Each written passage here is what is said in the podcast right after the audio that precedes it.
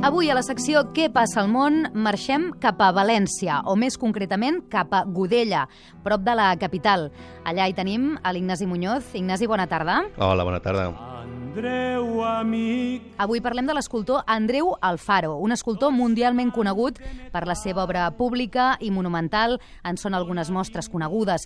Bon dia, llibertat, Catalan Power, escultures també de gran format, com la que va exposar al Parc Cervantes de Barcelona, el Monument als Països Catalans a Tàrrega. A Terrassa també hi té una escultura dedicada a la dona treballadora i el 99 va aixecar les columnes de l'Autònoma, de la Universitat Autònoma de Barcelona, que ara donen la benvinguda a tots els estudiants des de fa anys que es dirigeixen cap allà. Són 50 escultures i 33 esbossos de dibuix que formen una exposició que recull una trajectòria artística de mig segle. Això, com us dèiem, és a Godella, on ell tenia el seu taller. Va morir fa gairebé dos anys, però Andreu Alfaro va elaborar moltes peces, també de petit format, que formen part del fons d'aquesta col·lecció que es pot veure ara de forma permanent en aquest taller de Godella que l'Ignasi Muñoz ha visitat. Ignasi, què ens expliques d'aquest taller?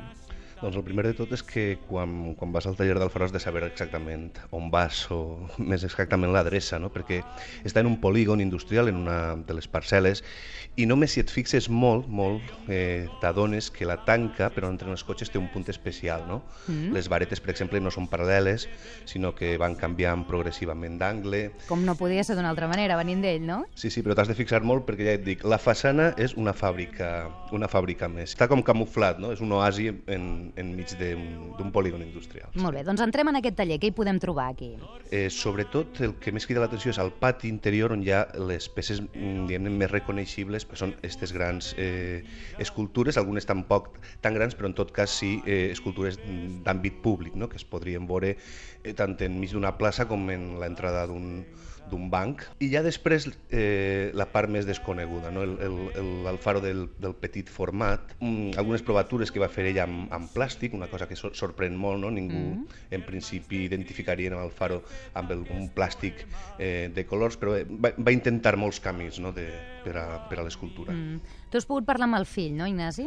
He pogut parlar amb Andrés Alfaro Hoffman, que, que bé, em va explicar sobretot com es va gestar, com es va formar esta, esta col·lecció, que no és només un recull de, del que Alfaro va deixar o no va vendre al llarg de la seva vida, sinó que té una, té una intrahistòria i té una voluntat del mateix escultor a l'hora de recollir la seva pròpia obra. Una col·lecció sobretot de peces antigues, mon pare va recuperar, va, va recomprar una sèrie de, mon pare dels, dels primers anys de, del seu treball no tenia molta obra i va sorgir pues, en moments puntuals algun galerista, algun, algun particular li va demanar el certificar l'obra i que volia vendre-la i mon pare pues, en algun cas se va descarar i li va dir que li interessava la, la peça. Uh, parlem de l'obra de petit format, aquesta que dius que és majoritària en aquesta exposició que podem veure al taller del Faro. És una obra molt variada, des de marbre, ja t'he dit, metall, una, una exposició molt completa i sobretot molt diàfana, no? que, que no, no s'atura. Tu entres allà, els espais blancs, trobes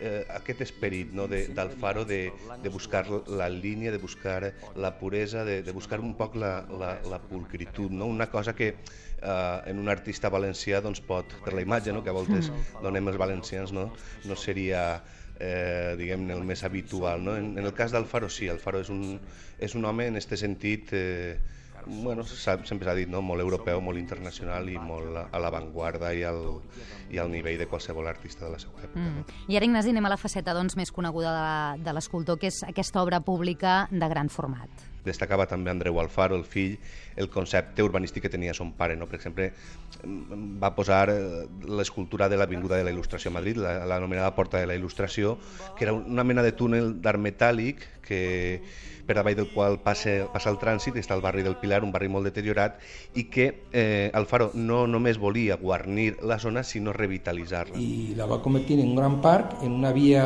ràpida, al mig de lo que és el barri. Per a una escultora jo crec que això és, una, un valor, la gent siga partícipe d'aquesta escultura, no? que no siga mai un element en contra del ciutadà, com se trobem en molts casos. No?